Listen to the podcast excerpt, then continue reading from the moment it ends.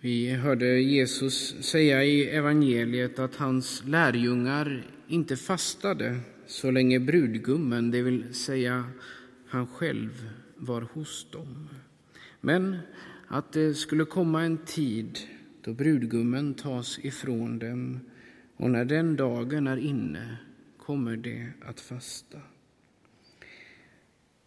Om detta kan vi dels notera att fastan är en naturlig del av det kristna livet och den undervisning som finns om fastan på annat håll i evangelierna gäller för denna tid efter Kristi himmelsfärd.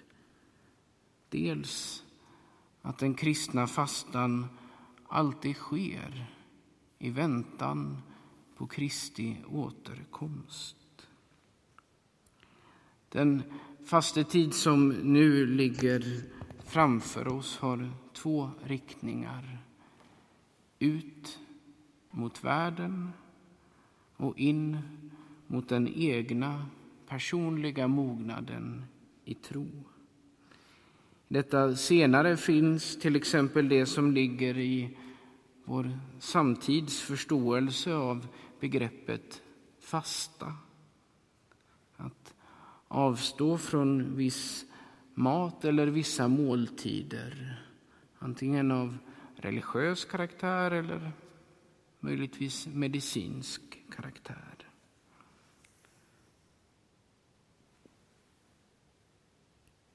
Den väg som Jesus inbjuder oss att gå är en väg som inte har några genvägar, som inte är någon så att säga andlig quick fix. Det finns gott om självhjälpsböcker, metoder och praktiker i vår tid. Men vägen till en andlig mognad tar per definition tid. Den kräver mod och styrka att övervinna motstånd i form av frestelser och distraktioner. Men genom att försaka såväl materiella ting som tid och nöjen prövar människan sina motiv och övar sig i att gå den smala vägen. Den väg vars mål i första hand inte är den egna andliga mognaden utan en djupare, en villkorslös längtan efter Kristus. Ja, genom att avstå bereds marken för Andens frukter i människans liv. Men fastan handlar inte bara om att på ett särskilt sätt avsätta tid för bön och fördjupning utan också om praktiskt handlande. Kärleken får komma till uttryck i offervillighet. Där ser vi den andra riktningen, den ut mot världen. Här gäller Jesu ord om kallelsen att vara världens ljus och jordens salt. Att som kristen leva i fastans återhållsamhet blir ett ifrågasättande av den västerländska förbrukningskultur vi lever i. Människan stirrar sig blind på det materiella och måste tillfredsställa varje begär. Återhållsamheten är av nöden för världens skull märker vi varje dag när vi öppnar nyheterna på telefonen eller tidningen eller tvn. Klimathot och annat. Den är nödvändig också för den enskildes personliga mognads skull. Men denna fastans riktning utåt är inte ett uppvisande av fromhet, inte ett sökande efter erkännande.